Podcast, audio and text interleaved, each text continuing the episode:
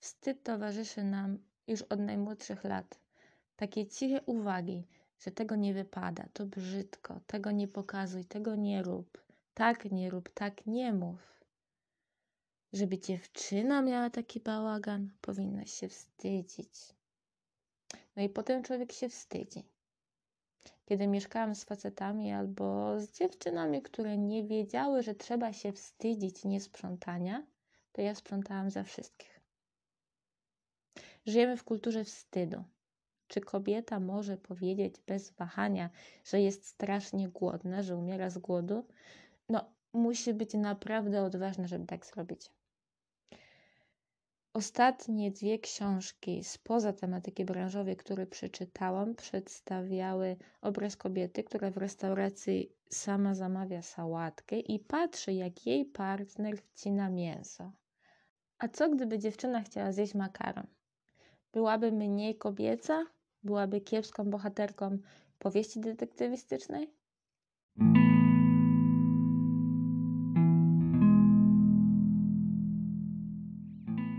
Materiały do tego odcinka zbierałam bardzo długo. Nie skłamię, jeżeli powiem, że pracowałam nad nimi rok.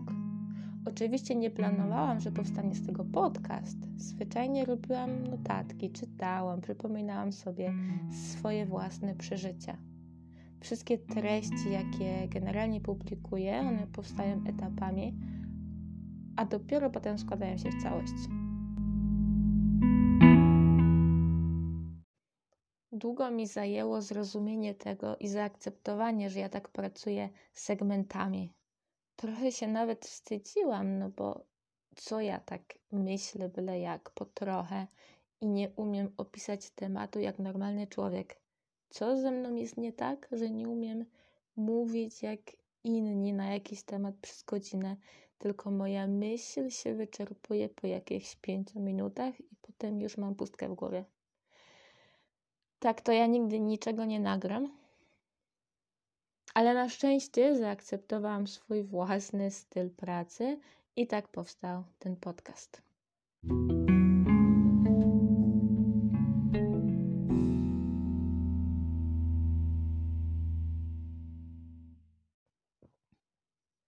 Moim domu nie było wielu emocji.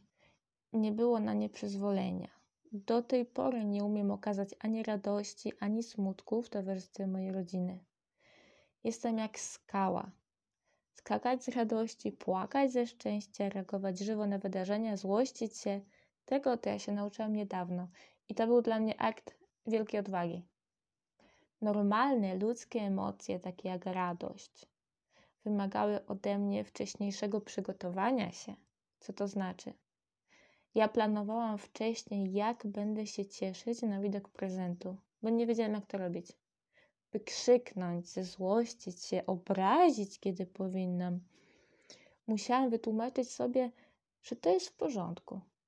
I najlepiej wcześniej to w głowie przećwiczyć. Powiedzieć nie, kiedy ktoś ode mnie czegoś chce. Tego też nauczyłam się ostatnio. Byłam robotem z emocjami perfekcyjnie ukrytymi i przeżywanymi w samotności, by nikt ich nie widział i nikt ich nie oceniał. Zdrowy wstyd jest czymś naturalnym i potrzebnym w społeczeństwie. Dzięki niemu udaje się nam budować funkcjonującą grupę społeczną. Ale czasami zmagamy się z takim wstydem toksycznym. Uwierz mi, to jest niszczący stan, który się z czasem nasila. Toksyczny wstyd jest takim neurotycznym, irracjonalnym poczuciem bezwartościowości, upokorzenia, obrzydzenia do siebie samego i paraliżującego uczucia, które zostało zadane poprzez powtarzające się traumatyczne doświadczenia, często, ale nie zawsze, zakorzenione w dzieciństwie. I ja jestem jego przykładem. Toksyczny wstyd to jedna z rzeczy, jaką wniosłam z domu na znaczenie, z którym walczy od wielu lat. Mówi się, że mm, bierze się on z tego, że rodzice nie dopuszczali do siebie swoich własnych emocji i przez to nie akceptowali też emocji dziecka. Zawsze czułam się nieważna i zostawiona sama sobie. Moja mama uciekała w pracę. Od kiedy pamiętam, byłam skazana głównie na siebie. John Bradshaw opowiada o dwóch formach tego chorobliwego, toksycznego wstydu. Albo czujesz się nad człowiekiem i uzurpujesz sobie prawo do pouczania innych, czujesz się od nich lepszy, albo czujesz się ofiarą, takim słabym ogniwem. Przy czym nikt nie mówi, że te oba rodzaje zachowania nie mogą się przeplatać. W pierwszej sytuacji nie umiesz się przyznać do błędu, a w drugiej widzisz jedynie błędy. Czasami prowadzi to do funkcjonowania poniżej możliwości, innym razem motywuje do bardzo dużych osiągnięć. Jednak sukcesy nie dają uczucia spełnienia. Maską toksycznego wstydu jest perfekcjonizm. Nie znasz i nie czujesz granic. Nie potrafisz zakończyć żadnego projektu, ponieważ nigdy nie jest on wystarczająco dobry, więc nie możesz go pokazać światu, takiego nieperfekcyjnego. Żadne osiągnięcie nie jest nigdy zadowalające. Nie umiesz powiedzieć dość, nie znasz granic i nie umiesz ich stawiać wobec innych ludzi. Perfekcjonista nie umie mówić wystarczy, dość, nie przyjmuje do wiadomości, że może się mylić, nie daje sobie do tego prawa, żeby się pomylić. Toksyczny wstyd niszczy relacje z bliskimi. Przejawia się z jednej strony krytykowaniem, moralizowaniem, kontrolowaniem, arogancją, pogardą, a z drugiej strony narzucaniem swojej pomocy, rady, zadowalaniem innych na siłę, takim dogadzaniem. Spróbuję Ci wytłumaczyć, jak wygląda taki kuriozalny wstyd. W moim domu nie należało się złościć, smucić, płakać, głośno, głośno okazywać radości. Trzeba było być odpowiedzialnym, idealnym, bezproblemowym, nie zadawać pytań, nie denerwować. Takie doświadczenia wywołały u mnie chęć ukrywania się w dorosłym życiu, wycofania, samotności, y, wielkie zagubienie uzależnienie od ciągłego myślenia, analizowania, czy jestem wystarczająco dobra, wystarczająco samodzielna, czy dobrze ukryłam, że jest mi źle, czy pasuje do społeczeństwa. Wyobraź sobie, jak to mogło y, wyglądać, w jakich sytuacjach się przejawiało. Kiedy schudłaś, wstydzisz się, bo nie jesteś wystarczająco szczupła. A jak przytyjesz, no to się wstydzisz, że przytyłaś. I to jest wstyd rodzinny. Nawet dzisiaj, kiedy moja mama czuje potrzebę wytłumaczenia ludziom, że no tak, córka przytyła, no to to nadal jest jej wstyd. A ja zaznaczę, że ludzie, którym ona próbuje wytłumaczyć, że ja przytyłam, ostatnio widzieli mnie, kiedy ja miałam 15 lat i byłam po bardzo długiej głodówce, i oni mnie pamiętają tamtą, więc widzą, że dorosłam, podwoiłam swój wiek i się zmieniłam, ale ona ciągle czuje potrzebę wytłumaczenia się z tego. No dalej, wstydzisz się, bo jesteś biedna, ale wstydzisz się też pracować na niskim stanowisku, no bo po studiach powinnaś co najmniej być kierownikiem. To nic, że nic jeszcze nie umiesz, no ale co powiesz rodzinie? Jak oni się poczują? Jak ty się poczujesz z tego powodu, jak oni się poczują. W końcu wstydzisz się, że nie pracujesz, bo nie ma stanowiska, które byłoby bez doświadczenia, ale wystarczająco prestiżowe. Jak już jest ci lepiej, to też się wstydzisz to pokazać, żeby nikomu nie było przykro, że on ma gorzej, a ty masz lepiej. Wstydzisz się, że jesteś głodna. Jakby kto pytał, to ty jesteś ze stali. Nigdy nie bywasz głodna, zmęczona, senna, choćbyś padała na twarz. Wstyd się przyznać do ludzkiej słabości. Zawsze dasz radę. Każde uczucie może zostać skojarzone z wstydem. W ten sposób boisz się obchodzić urodziny, no bo samo przyjęcie prezentu wywoła wstyd. Radość, mm, wstyd albo raczej takie mm, zawstydzenie. Radość z prezentu jest wstydliwa, Wstydem przysiągasz w końcu do szpiku kości.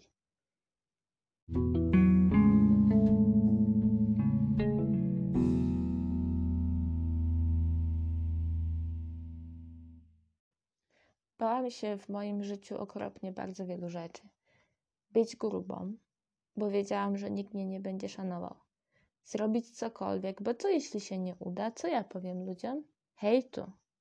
Bo tego w życiu przeżyłam wiele, ale wygląda na to, że kiedy byłam mm, młodsza, to miałam grubszą skórę niż teraz, kiedy jestem dorosła.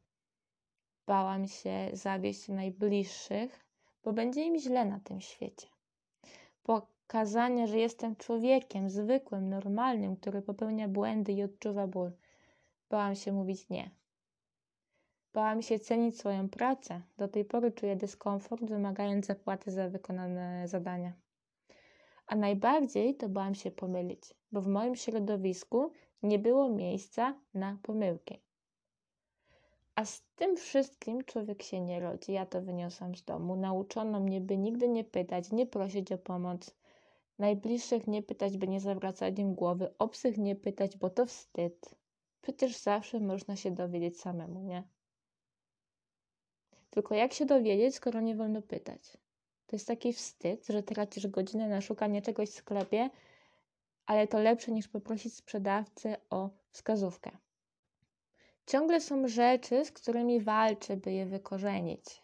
Pokazano mi się ich wstydzić od zawsze i wszystkiego. Za czwórki, bo nie są piątkami, za pucałowate policzki, za brak bycia taką jak inne fajne dzieciaki, albo inne fajne nastolatki, albo inne fajne sąsiadki, za jedzenie obiadu przy ludziach, za życie na kociem łapę, za nierobienie kariery. Z dzieciństwa pamiętam dość popularną sytuację. Jeżeli przyszli do nas goście, to trzeba było zaczekać z jedzeniem, aż pójdą. Choćby czekanie miało trwać kilka godzin. Pamiętam, przyszłam kiedyś do domu i zastałam gości, a w kuchni był makaron zostawiony w połowie gotowania. Takie kluski pływające w wodzie. Dlaczego nie były wyciągnięte? No bo goście by zobaczyli ten makaron. Ostatecznie nikt tego makaronu potem nie zjadł, no bo on się w tej wodzie tak rozmiękczył, że był niejadalny. Ale nic, lepiej, żeby się zmarnował, niż żeby ludzie zobaczyli, że my jemy. I ta zasada funkcjonuje w moim domu rodzinnym do dziś. Moja mama nadal nie jest w stanie zjeść niczego, kiedy przychodzą ludzie i patrzą, że ona je. Chociażby to by miał być lód, który się zaraz roztopi, to ona i tak go nie zje. Wstyd był czymś normalnym w moim domu. Taki wstyd pomieszany z dumą. Do tej pory pamiętam siedzenie w gościach w dzieciństwie i patrzenie, jak inne dzieci się bawią. Oczywiście nie mogłam dołączyć, by nic nie rozwalić. Nie być głośno i wyglądać na grzeczno. Zawsze panicznie bałam się tańczyć. Przy ludziach oczywiście. W domu mówiono na mnie słoniątko i całe życie czułam, że poruszam się jak to słoniątko. Wielka, gruba, ciężka słonica i wiesz co, tak mi to wyszło w nawyk, że zawsze postrzegałam się w ten sposób, nawet przy najniższej wadze, nawet ze spodniami w rozmiarze 36 na tyłku. Nie odważyłam się tańczyć. Publicznie nie tańczyłam prawie nigdy. Poza ciemnym klubem albo własnym pokojem, kiedy nikt nie widział, że ja tańczę. Inaczej nie tańczyłam. Nie tańczyłam na weselach, na tanecznych imprezach, no bo słonie nie tańczą. Tym sposobem nigdy nie poprosiłam nikogo, by mnie nauczył i też nie odważyłam się tańczyć przy innych. Z drugiej strony wstydziłam się też tego, że nie tańczę, no bo wszyscy tańczą. Terapeutka Magda Jarosz, i teraz zacytuję, mówi, że niezrozumiany wstyd to jest koszmar ludzkości.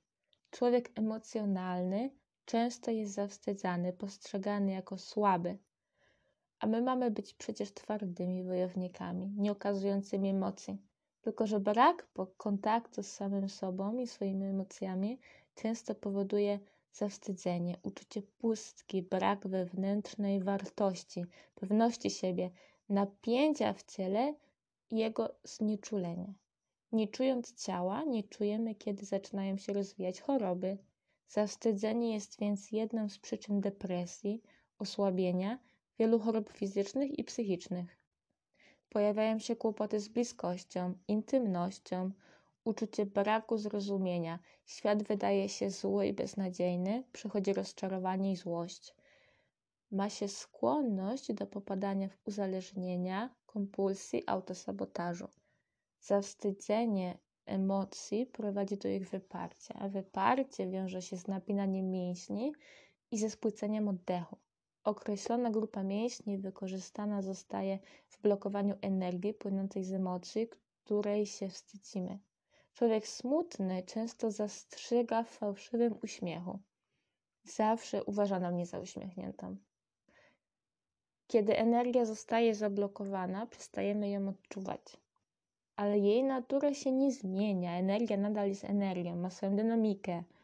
Nie pamiętam już właściwie, kiedy ja normalnie oddychałam. Robię to chyba tylko podczas e, ćwiczeń, snu i medytacji. Toksyczny wstyd, czyli taki, który zniewala, subiektywnie odczuwany jest jako wszechogarniające poczucie własnej niedoskonałości, ułomności. Toksyczny wstyd nie jest odzwierciedleniem własnych ograniczeń.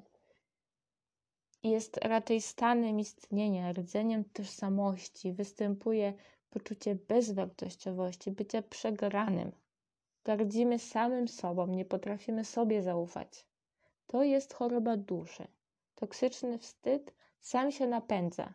Wstydzimy się tego wstydu, czujemy pustkę. Pamiętamy najgorsze momenty związane z naszymi najbliższymi i one się łączą w jeden zlepek. W dorosłości niewiele trzeba, by ten zlepek nieprzyjemnych wspomnień przywołać. Wystarczy przywołać tylko jedno wspomnienie, by zalała nas fala nieprzyjemnych uczuć. Tak jest ze wszystkimi uczuciami. Jeżeli na przykład nigdy nie wolno ci było w domu okazywać złości, złość zniknie z repertuaru Twoich emocji. Ilekroć poczujesz złość, pojawi się toksyczny wstyd. Wypierasz część siebie, której się wstydzisz. Bo nie da się całkowicie uniknąć gniewu, on jest energią. W moim domu należało siedzieć cicho. Dzisiaj obserwuję czasami dzieci, które biegają i krzyczą, skaczą z radości i nie wyobrażam sobie siebie w takiej sytuacji. Moja mama umarłaby ze wstydu, że jej dziecko zachowuje się jak dzikie. Bradshaw pisał, że brak okazywania uczuć prowadzi w końcu do utraty kontaktu z nimi. Rodzice nie mający kontaktu z własnymi emocjami są kiepskimi modelami dla swoich dzieci. Bez kontaktu, przygaszeni, psychicznie odrętwiali, sami nawet nie wiedzą, co czują. Tłumią własne emocje, więc tłumią w tym samym momencie też emocje u swoich dzieci, bo uważają to za zasadne, za dobre taki wieloletni wstyd się nawarstwia, tracimy kontakt ze sobą, gardzimy sobą, traktujemy się przedmiotowo albo pozwalamy, by nas traktowano przedmiotowo. Nigdzie nie pasujemy. Izolacji i alienacji tworzy niezbyt głęboka depresja, tworzymy sobie fałszywe osobowości. Może to być perfekcjonista, albo całkiem przeciwnie, nieudacznik, taki kozioł ofiarny.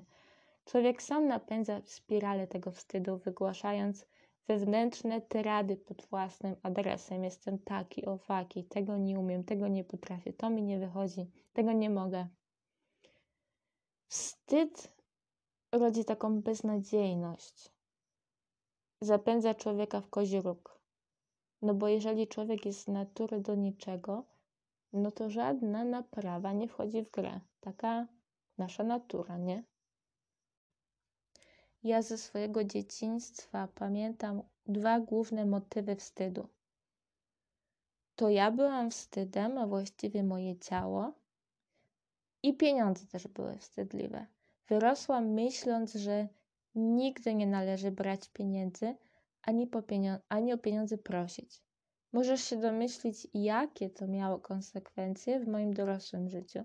Wyobraź sobie szukanie pracy, ale blokadę przed zarabianiem pieniędzy.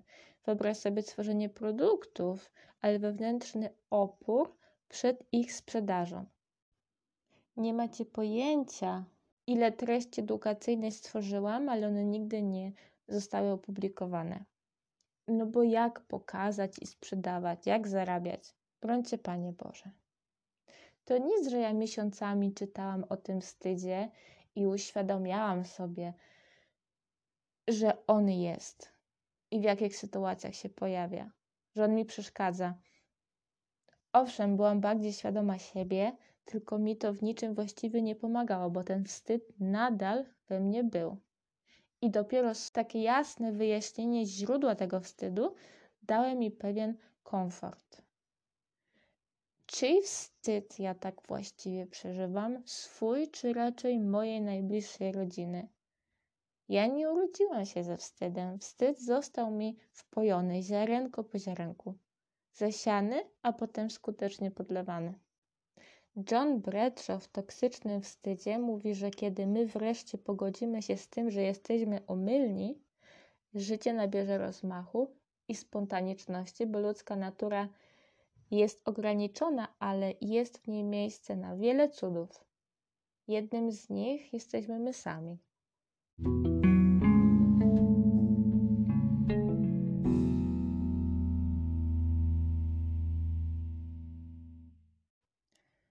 Pamiętam takie dwa zdarzenia z dzieciństwa, które mocno mnie ukształtowały.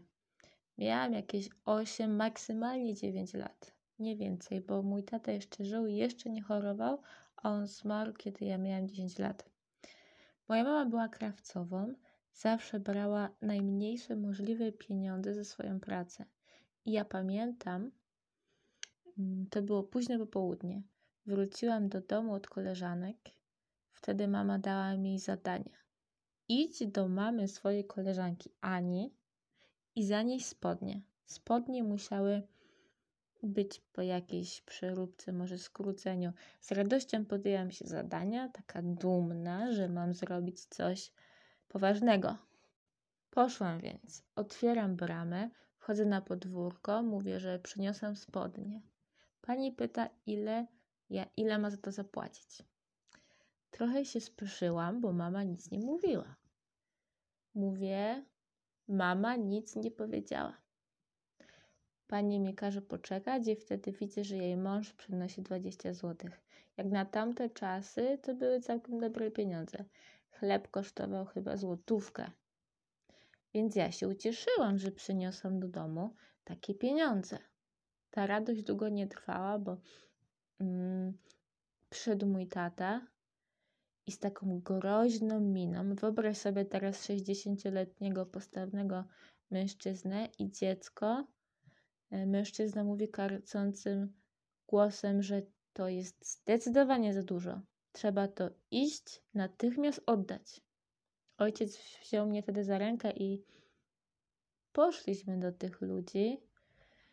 On chciał mi pokazać, jak oddaje te pieniądze. I tłumaczy, że nie powinni tyle płacić za tą pracę i oddaję im te 20 zł.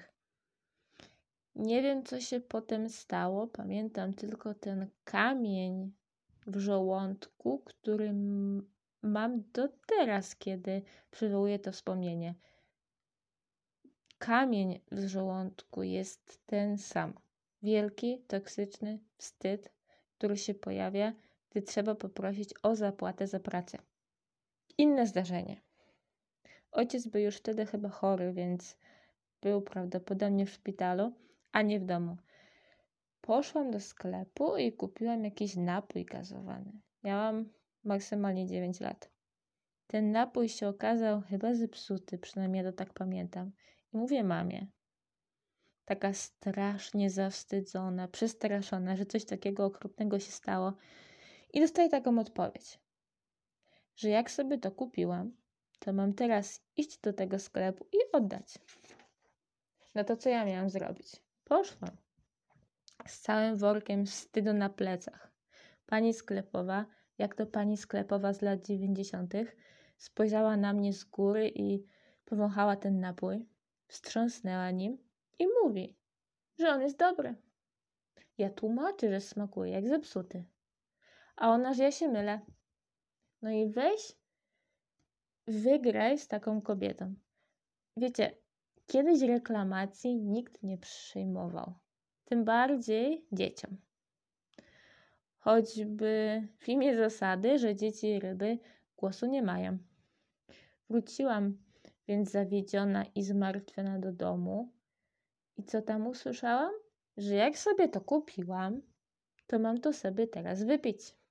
Próbowałam, naprawdę, próbowałam to wypić, bo tego wstydu znieść nie mogłam, no ale się nie dało tego wypić.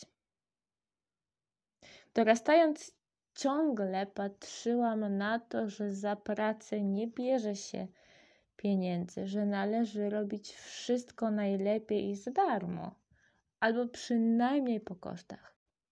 A jeśli ktoś wciśnie ci coś byle jakiego, to na, nie należy walczyć o swoje, tylko trzeba spuścić głowę i przyjąć to z pokorą. Wszystko w imię zasad. Bóg zapłać, niech ci Bóg w dzieciach wynagrodzi. Jeśli cię uderzą, to nadstaw im drugi policzek. Jeżeli ukradną ci portfel, to krzyknij za złodziejami, że masz jeszcze cenny zegarek. Prędzej wielbłąd przejdzie przez ucho igielne, niż bogaty wejdzie do Królestwa Niebieskiego.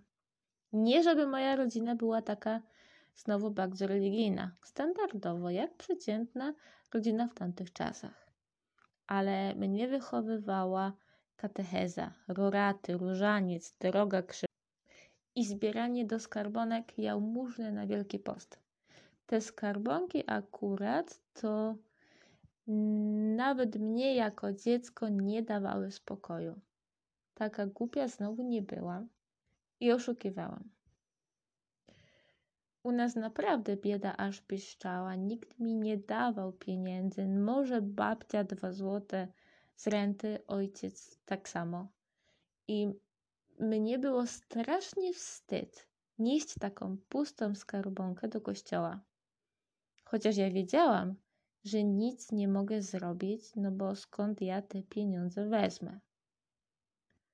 No to brałam te trzy czy cztery złote, jakie udało mi się tym miesiącu przed Wielkim Postem uzbierać i rozmieniałam je na groszówki. Ile tego było? No kilkaset monet, więc cała pełna skarbonka. Ciężka. Modliłam się tylko, żebym nie musiała tego wysypywać w kościele na kupę przy wszystkich ludziach, żeby się ze wstydu nie spalić.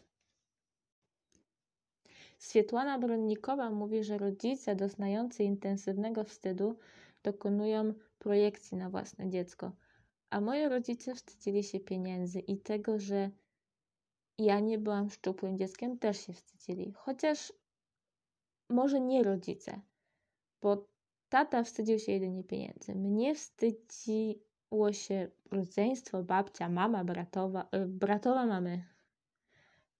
A rodzice, jak mówi Bronnikowa, zainfekowani toksycznym wstydem, są niezdolni, żeby się tego, żeby się tego przyznać. Dziecko to dostrzega i rozumie, że to z nim musi być coś nie tak.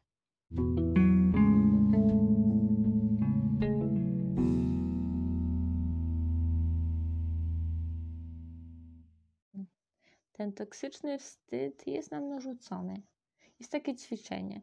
Należy wypisać, co ci wytykano, o co cię oskarżano, po jakich słowach y, przychodziło to uczucie palącego wstydu.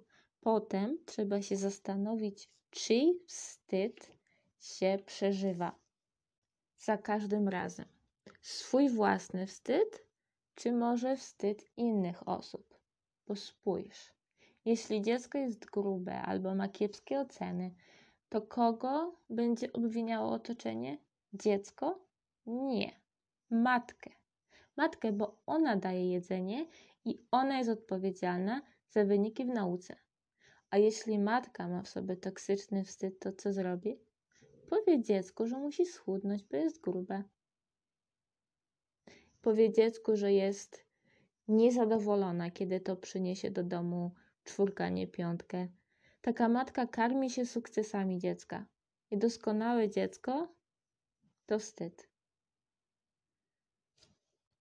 Ale ja ci dzisiaj chcę pokazać, że to nie to dziecko jest przyczyną wstydu, to ta druga osoba nie umie sobie ze wstydem poradzić. To rodzic boi się uwag lekarza, który zasugeruje, że dziecko jest za grube, ale czy ten rodzic naprawdę oczekuje, że to dziecko weźmie się za siebie i schudnie? Oczekuje. Tylko to nie znaczy wcale, że tak wolno, że tak powinno być. Niestety tak często jest. Mam mnóstwo takich historii od moich czytelników. To komuś było wstyd. Ten wstyd był narzucony. Kiedy jeszcze sama byłam dzieckiem, miałam różne tiki i takie ataki drapania się. Ile razy ja za to dostałam ochrzan. Dzisiaj wiem, że to było na tle nerwowym. Wiem też, jak bardzo się mnie wstydzono. Tylko, że atak nic nie pomagał, jedynie nasilał problem, bo ja nadal nie radziłam sobie z nerwami, a do tego musiałam się jeszcze wstydzić, że sobie nie radzę. Pamiętam, że kiedy bolał mnie ząb, zwlekałam do ostatniego momentu, aż ból był całkowicie nie do zniesienia. Dopiero wtedy z duszą na ramieniu mówiłam, co się dzieje i dostawałam oszan. A nie mówiłam? To twoja wina. Kiedyś doznałam takiego małego wypadku mm, koło 11-12 roku życia. Byłam na rowerze i specjalnie zjechałam z drogi, żeby zrobić miejsce dla traktora z wozem. Kto mieszkał na wsi, albo przynajmniej ma rodzinę na wsi, powinien pamiętać, jak wygląda wóz. To taka konstrukcja metalowa na kołach. Ściany ma z takich bali, czy raczej desek. To służyło kiedyś za przyczepy do przewożenia różnych rzeczy. I ten traktorzysta z tym wozem nie wyrobił się. I mimo, że ja stałam zaraz przy bramie, robiąc miejsce, to on mnie uderzył. Dość mocno, poniżej brzucha, tak że straciłam oddech. Kiedy zapytano, czy coś się stało, no to ja powiedziałam, że absolutnie nic, a bolało jak diabli. No ale wstydziłam się. Przecież nakrzyczano by na mnie, że to wszystko moja wina. Zdecydowałam, że ból fizyczny plus ból psychiczny to naraz za dużo. Wybrałam sam ból fizyczny. Długo się z tego leczyłam. Sama oczywiście. Ukradkiem patrzyłam na potłuczone, siwe podbrzusze. Bolało cholernie. I przestraszyłam się porządnie. Pomyślałam w pewnym momencie, że co jeśli przez ten wypadek ja nie będę mogła mieć dzieci. Pamiętajcie, że ja byłam wtedy dzieckiem, więc totalnie nie wiedziałam, co się dzieje. Ale co, no nikomu nie powiedziałam. Tylko nie chodziłam na rower przez dłuższy czas. Nikt nie pytał dlaczego. Całe szczęście, bo musiałabym zmyślać. Albo iść na ten rower pomimo rozdzierającego bólu. Ten cały wstyd z dzieciństwa, połączony z poczuciem winy i strachem, jakie dzisiejsza kultura nam narzuca, one są wybuchową mieszanką. Nic dziwnego, że dorastamy i jesteśmy jak zranione zwierzątka. Boimy się, wstydzimy, czujemy się winni. Zderzamy się z ideałami kulturowymi, presją idealnej sylwetki, presją robienia kariery i zderzamy się ze ścianą. Wierzymy, że to, że to przez lenistwo albo nierozgarnięcie nic się nam nie udaje. Absolutnie nie. Gdyby sobie pogrzebać w głowie, to tych przyczyn znajdzie się naprawdę mnóstwo. Czym operuje kultura diety? Strachem przed tyciem i chorobami. Wstydem, że nie spełnia się ideałów kulturowych. Poczuciem winy, bo zjadło się coś, czego się jeść nie powinno. Człowiek wpada w taką schizę, że bez wahania wyda kilkanaście złotych na smuty i zdrowego batona z y, danej marki i nawaszeruje się cukrami prostymi. Nadal będzie głodny i nieusatysfakcjonowany. Ale białej bułki nie ruszy, drożdżówki, a w życiu. Nie zje takiego świństwa, chociaż znacznie lepiej by się poczuł. No ale blokuje go strach, poczucie winy i wstyd.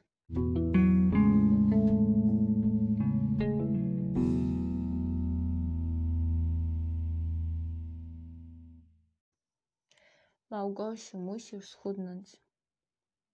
Ja ci zrobię teraz to kolację, ale żebyś potem nie miała do mnie pretensji, że będziesz gruba. to okrucieństwo wypowiadane do dziecka w pierwszej klasie podstawówki już nie boli, ale nigdy nie zostanie zapomniane. Wychowano mnie w modelu nigdy nie proś o pomoc. Licz tylko na siebie. Jesteś sama.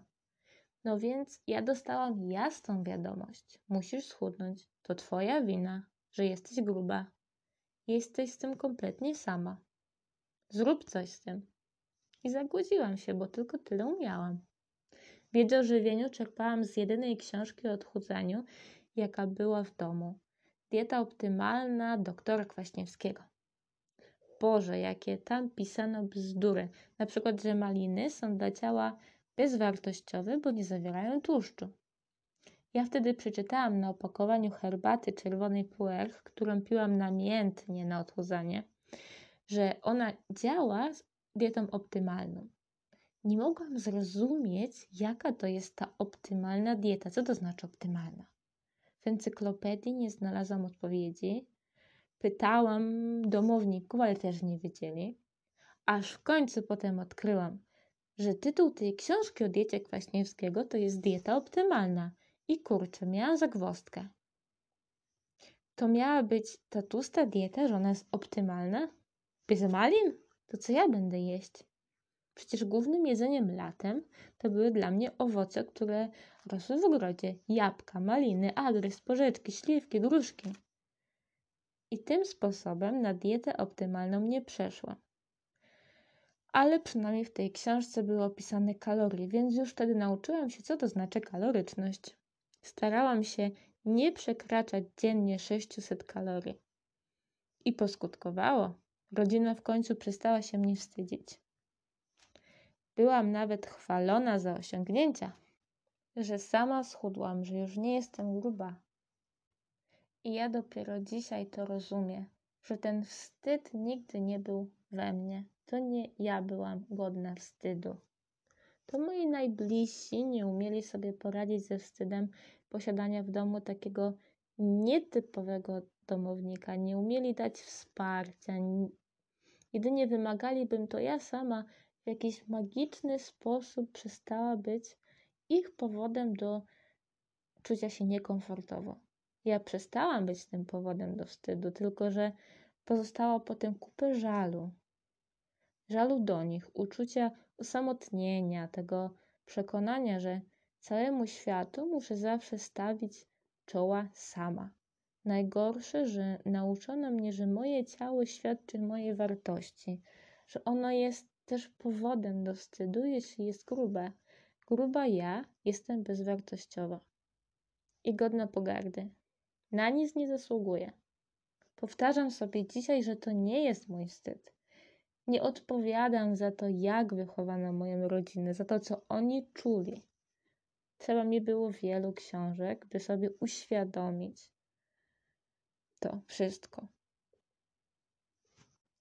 Przecież to nasza tradycja kulturowa mówi, że dziecko jest wizytówką rodzica. Po to ma się dziecko, po to dało mu się życie. To jest najważniejszy projekt życia. To po nim będzie się ocenianym. Ja to rozumiem, że nikt nie czytał kiedyś literatury psychologicznej, nie było blogów parentingowych, w gazetach Panie Domu czy poradni domowej też nikt nie pisał jak nie skrzywdzić wrażliwego dziecka, że dziecko rozumie, czuje, że jest samodzielnym bytem i że ma prawo być takie, jakie jest, a zadaniem rodziców nie jest tylko wymagać, że będzie idealną wizytówką, ale wspierać w rozwoju i pokazywać świat, uczyć odwagi. Myślę, że dużo naszych dzisiejszych załamań nerwowych i stanów depresyjnych bierze się właśnie z tego poczucia, że nie sprostaliśmy oczekiwaniom. Pamiętam, kiedy zakończyłam związek z partnerem, którym, spędzi, z którym spędziłam niemal 7 lat, najbardziej bałam się, wiesz czego? Reakcji rodziny. Rodziny i znajomych.